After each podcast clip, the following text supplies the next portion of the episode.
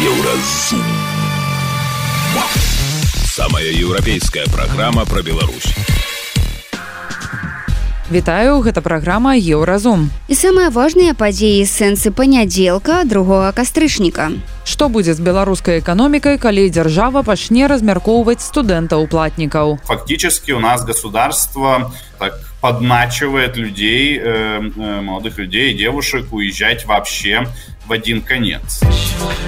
Музыку палы і драздовіч выкладалі ў школе. Распавядаем пра іх заробкі. Гэта тая самая Паўліна, што ў 20 год стагоддзя таму адной з першых сыграла на сцэне галоўную ролю ў купалаўскай паўлінцы. Стала вядома, калі зямля стане непрыдатнай для жыцця. Іх норавы. Мацерыкі аб'яднаюцца і размясцяцца ў трапічных шыротах і каля экватара. Пра гэта ды іншае больш падрабязна цягам бліжэйшай гадзіны. Еўразум. Беларусь у еўрапейскім фокусе. Экспарт парка высокіх тэхналогій за 2022 год упаў адразу на паўмільярда долараў і склаў 2 мільярды 700 мільёнаў. Падзенне экспарту адбылося ўпершыню за ўсю гісторыю ПВТ. Таксама заўважна скараціўся аб'ём вытворчасці рэзідэнтаў ПВТ. То бок, калі ў 21 годзе IT-кампаніі выраблялі свае прадукты і прапаноўвалі паслугі на 9 мільярдаў 400 мільёнаў рублёў, то летась толькі на 8 мільярдаў 300 мільёнаў. Пра тое, з чым гэта звязана і наколькі гэтая тэндэнцыя крытычная для так званай сіліконавай даліны ўсходняй Еўропы, нашы калегі з YouTube-шоу «Обычное утро» пагутарылі з дырэктарам цэнтра бюрок эканамістам Львом Львоўскім. Ну, собственно, это долгий уже тренд, который длится, наверное, почти год или даже больше года. Он начался через несколько месяцев после начала войны Э, России с Украиной, где э, Беларусь была признана э, соагрессором из-за того, что Александр Лукашенко решил предоставить территорию Беларуси для атак на Киев. Собственно, до этого наш сектор IT, он всегда рос при любых условиях, что бы ни происходило в остальной экономике, а после этого начал падать. Тут надо понимать, что никаких санкций конкретно на IT не было. Э, падение началось из-за статуса токсичности Беларуси. Некоторые клиенты начали отказываться э, от заказа услуг в Беларуси, э, некоторые инвесторы, соответственно, начали отказываться от инвестиций в белорусские компании, в IT-стартапы. Э, те белорусские компании, которые были уже довольно крупными и торговались на международных биржах, они тоже поспешили как-то начать эвакацию из Беларуси, чтобы не пострадали их котировки. Э, ну, начались э, другие мелкие проблемы, собственно, э, надо не забывать, что КГБ все еще бегает по айтишникам и старается стричь с них деньги вот в рамках их придуманной программы «Скребем по сусекам», где они вызывают айтишников и предъявляют им какие-то донаты, и активно намекают, что те должны задонатить кратно больше денег. Теперь уже на какие-то государственные нужды, э, ну или даже, может быть, на какие-то хорошие нужды, на какие-то школы, детские сады, но понятно, что это означает, что тогда государство может меньше денег тратить на эти вещи, раз уж айтишники сдонатили. Э, вот, то есть этот тренд нападения, он начался уже давно, он, на самом деле, экономисты ожидали, что он должен уже где-то закончиться, то есть Собственно, э, да, действительно, эмиграция белорусов, она сейчас на пике, угу. но это же означает, что и потенциал для новой миграции, он ослабевает, э, то есть почти все, кто хотели уехать, они уже, наверное, уехали, почти все клиенты, которые хотели разорвать отношения с Беларусью, они уже разорвали, вот, поэтому в какой-то момент падение в IT должно остановиться, э, должен зафиксироваться статус-кво, э, там, то, что осталось, э, ну и потом даже, наверное, перейти к росту. Вот. Насколько это критично, я бы сказал, что достаточно. Э, сектор IT, он в размерах всей экономики, нельзя сказать, что он невероятно большой, но ну, достаточно ну, полмиллиарда большой. потерял, полмиллиарда потерял, mm. да? В 2020 году сектор IT, он обогнал, например, сектор сельского хозяйства в Беларуси и там достиг почти 6% ВВП. Э, но у сектора IT у него много других особенностей. Э, первое – это быстрорастущий сектор, э, и он в последние десятилетия стагнации давал нам до половины экономического роста, то есть у нас рост был в среднем 1%, вот полпроцентных пункта давал именно этот небольшой сектор IT. Во-вторых, э, это сектор масштабируемый, то есть от него как раз можно ожидать дальнейшего роста. Э, этот сектор вбирал в себя высвобождающиеся кадры, э, было много, как вы знаете, школ и каких-то программ переобучения, mm-hmm. где люди даже не с IT-специальностями могли войти в IT. Э, как э, говорится в известном лозунге. Э, этот сектор, он даже влиял на какое-то международное восприятие Беларуси, то есть если там, условно мы возьмем 20 лет назад, то что иностранцы знали о Беларуси? Ну, либо ничего, либо там Лукашенко, трактор, все. Э, если мы возьмем э, там, ситуацию, например, 5 лет назад, то что иностранцы знали о Беларуси, это Лукашенко, трактор, картошка и IT э, какие-то отдельные IT-продукты, типа там известных игр, или же отдельные IT-компании крупные, которые там торговались на продолжают торговаться на Нью-Йоркской бирже и так далее. То есть это даже влияло на такой, на имидж страны. Эм, у IT было важная, я бы сказал, такое экономическая социальная роль в Беларуси, эм, в восприятии значимой части населения, успешный человек или путь к успеху в Беларуси, он шел именно через IT. Это очень важно. Если мы посмотрим, например, там, сравним с э, Россией, э, то в России вот эм, такие надежды молодежи, они всегда были, например, через какую-то госслужбу угу. или как-то присосаться к нефтяной трубе. Э, или же к коррупции. Да. Э, вот, то есть э, понятно, что там не все россияне в итоге занимались нефтью или коррупцией, но это про чаяние населения, про то, куда стремится молодежь. В Беларуси же было довольно заметно вот такое социальное явление, что люди хотели стать айтишниками. Там считалось, что если девушка вышла замуж за айтишника, то это удачный брак. Если человек ездит на такси э, и пьет коктейли в пятницу утром э, в каком-то хорошем баре, то, наверное, он айтишник. Э, то есть это именно такой даже имело социальный посыл. То бок па словах льва львоўскага праз некаторы час эміграцыя выйдзе на плато усе хто хацеў з'ехаць з'едуць і тады справы у пвт могуць пайсці лепш бо ў галіну мусіць прыйсці новыя людзі тыя хто перакваліфікуецца у айцішнікаў і цяперашнія студэнты Аднак гэтаму можа перашкодзіць сама дзяржава, увеўшы абавязковае размеркаванне для платнікаў і павялічыўшы тэрмін адпрацоўкі для бюджэтнікаў. Некаторыя студэнты ўжо цяпер думаюць забіраць дакументы з універсітэтаў і з'язджаць з краіны. Атрымліваецца, што галіну ўсё ж адно нічога добрага не чакае. Да чаго увогуле вядзе эканоміку недахоп кадраў. Вось што на гэты конт думае эканаміст. Да, это действительно вот новости про распределение, они, возможно, одни из самых негативных новостей Э, для Беларуси за последнее время. Здесь э, очевидно, что люди не хотят, чтобы кто-то другой распоряжался их судьбой. Люди не хотят терять годы жизни в месте, где они не хотят жить. Они не хотят терять доходы, потому что очевидно, что их будут посылать на какие-то э, предприятия с низкой зарплатой, иначе они сами бы пошли, иначе их не надо было бы туда искусственно заставлять ехать.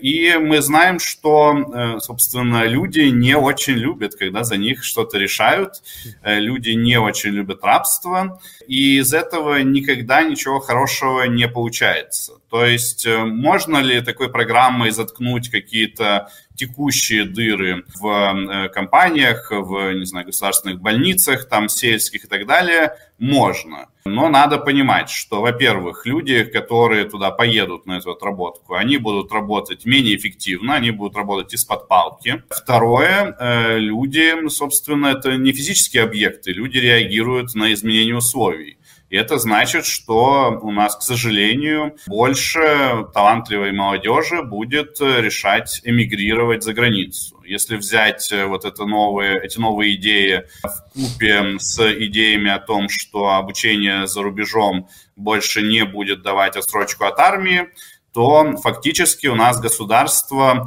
так подначивает людей, э, молодых людей, девушек уезжать вообще в один конец.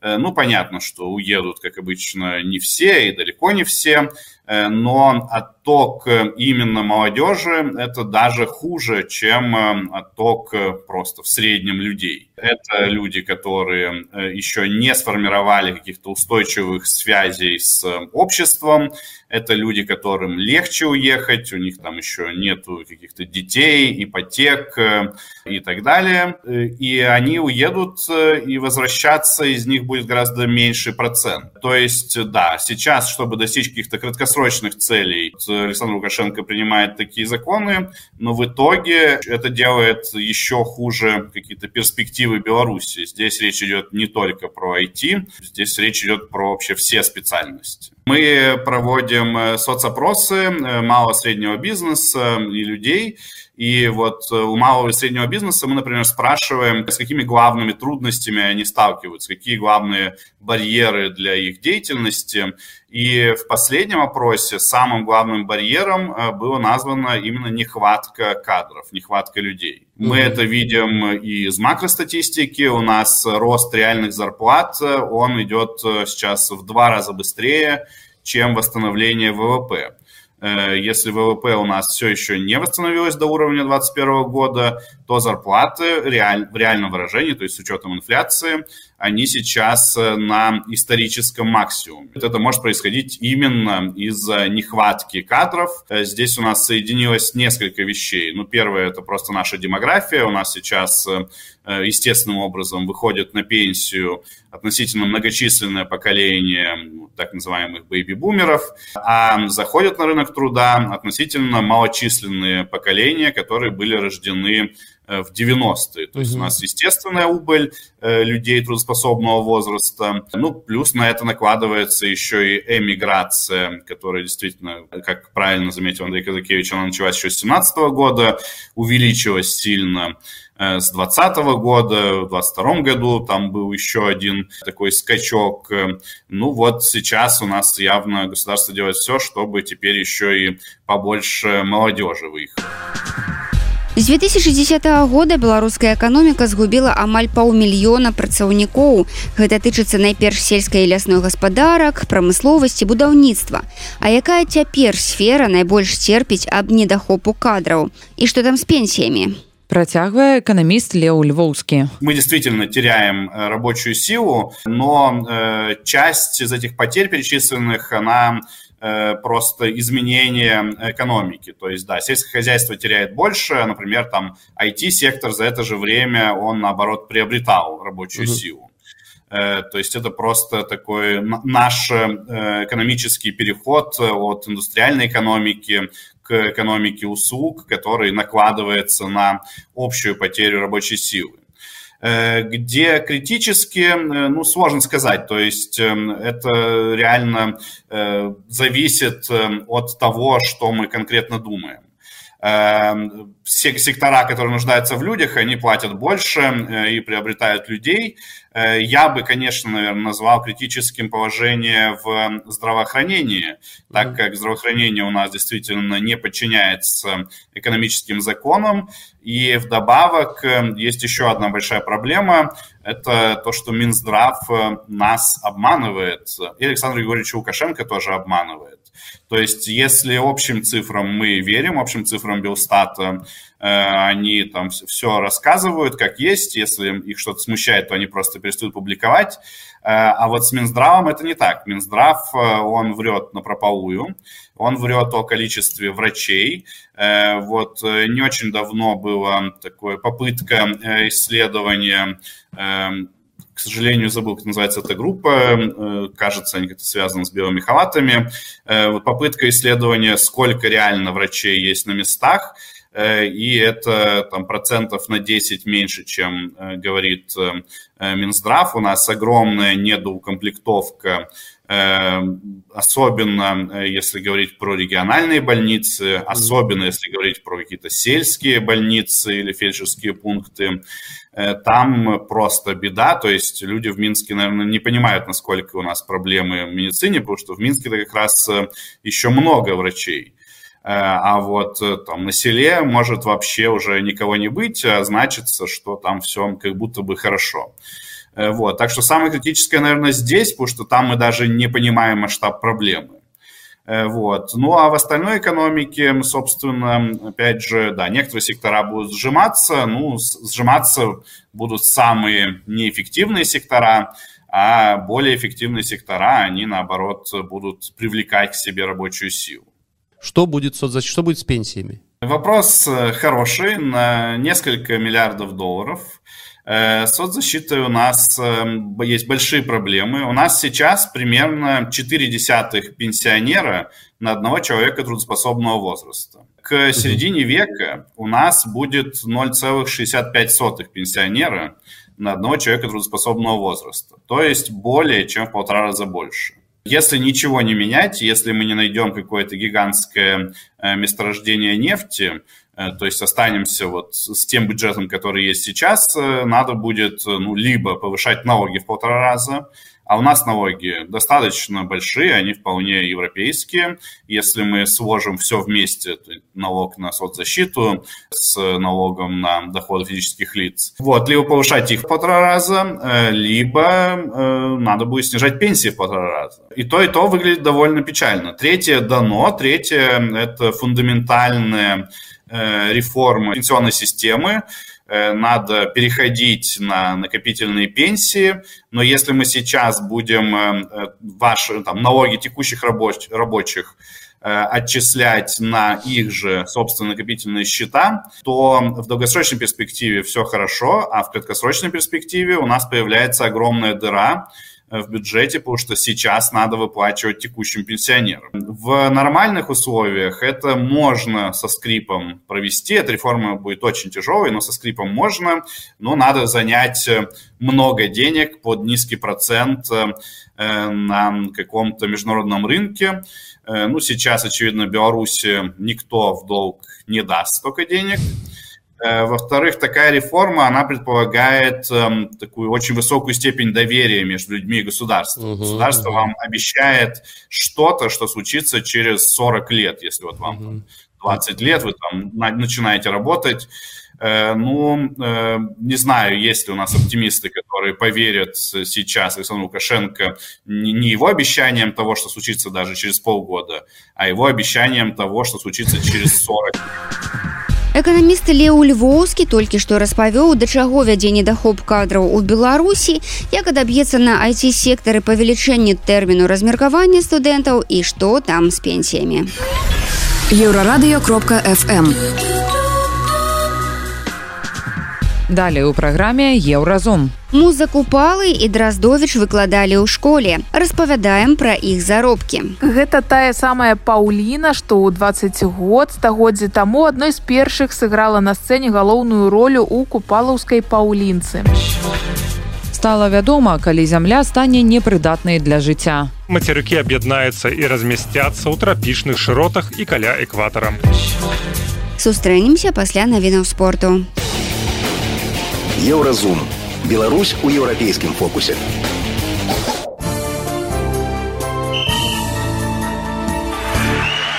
На еўрарадыё навіны спорту.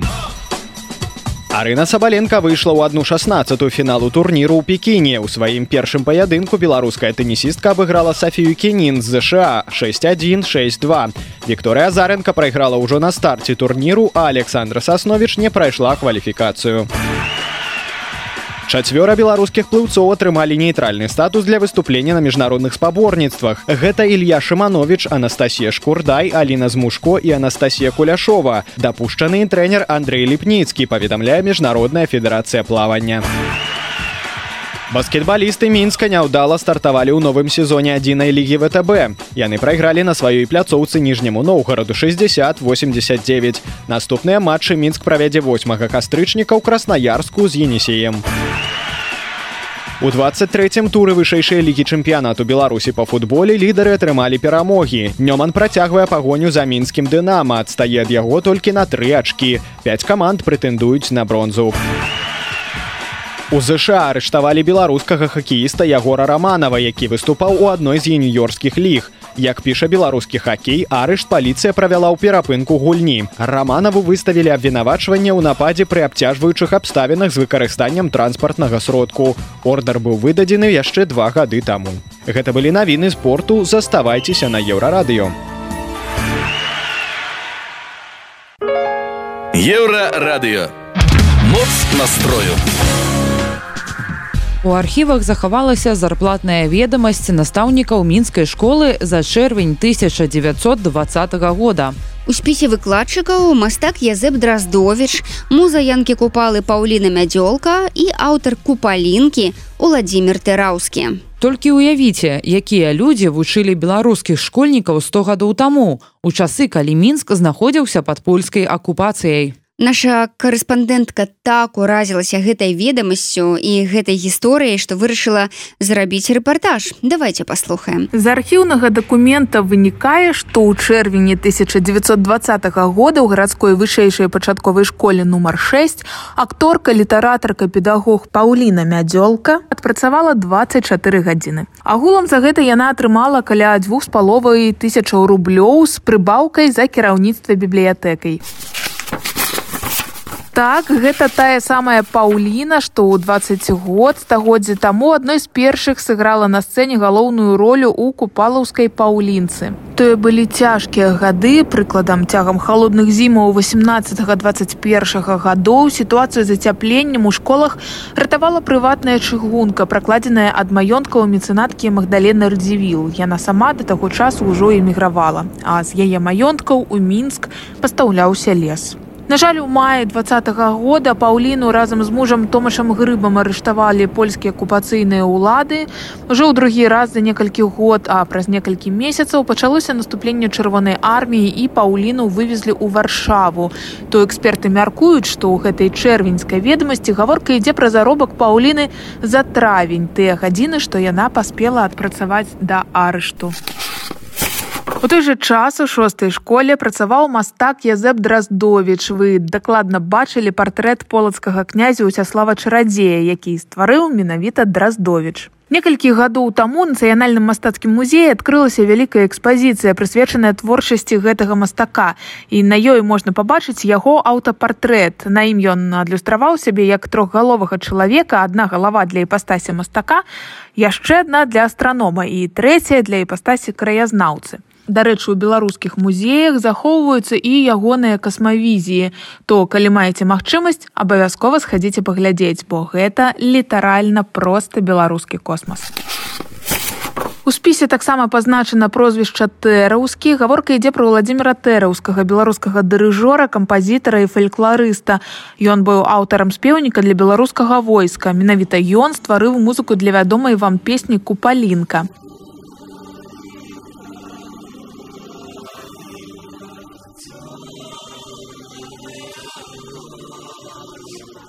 А яшчэ ён напісаў музыку для гімна ваяцкі марш таго самага, што пачынаецца словамі мы выйдзем шчыльнымі радамі. Летам два тэраўскага арыштавалі таксама польскія акупацыйныя ўлады за выкананне песен каля хацінкі і па нам мы песні не спяваем. Учынілі вопшук і падчас яго беларуса знайшлі рэвальвер. Чаму нас так уразіла гэтая зарплатная ведамасць, бо гэта можна параўнаць з тым, калі б цяпер лекцыі па мастацтве і літаратуры ў цэнтры мінска чыталі Мікіта Моніч, Руслан Вашкевіч ці Юлія Тимофеева. Чакайце, яшчэ нядаўна гэта было цалкам рэальна. Інфармацыйная служба еўрарадыё. Еўрарадыё. Твая улюбёная хваля. Далей у праграме еўразум стала вядома калі зямля стане непрыдатнай для жыцця іх норавы мацерыкі аб'яднаюцца і размясцяцца ў трапічных шыротах і каля экватара сустрэнемся пасля навіну шоу-бізу еўрарадыё твоя улюбёная хваля шоу-біз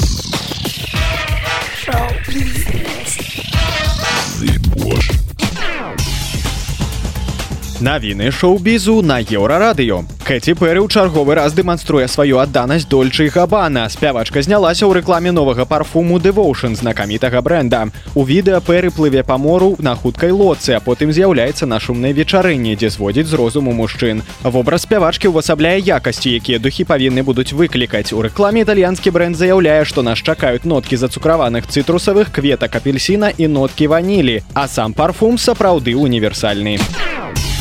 Галоўная рэдактарка вога на вінтур наведала паказ Вікторыі Бэкхам у парыжы. Спачатку журналістка сядзела з дэвідам Бэкхамам, а праз некалькі хвілін у зале ўвайшла Кім Кардашян разам з маці. Кім Кардашян абняла футбаліста, ад прывітання з вінтур адмовілася і моўчкі села побач. Карыстальнікі садсетак заўважылі, што Ганна Вінтур была незадаволеная суседствам. На наступным відэа паклоннікі заўважылі, што галоўная рэдактарка пакінула сваё месца да канца паказу. Тыдзень моды ў парыжы працягнецца да трэцяга кастрычніка паміж вялікімі вяртаннямі і доўгачаканымі дэбютамі французскі тыдзень рыхтуецца закрыць месяц поўны дэфіле і прэзентацый. Вялікую зацікаўленасць выклікаюць гіганты моды Мейсон маржела і міу-міу, якія будуць дэманстравацца ў апошні дзень. Дарэчы, міу-міу быў абраны брэндам года ў 2022 годзе. Калекцыі вясна-лета 2024 года, якія былі на парыжскім подуме з 25 верасня да трэцяга кастрычніка паступі паступяць у продаж са студзеня 24 года. Гэта былі навіны шоу-бізу, заставайцеся на еўрарадыё.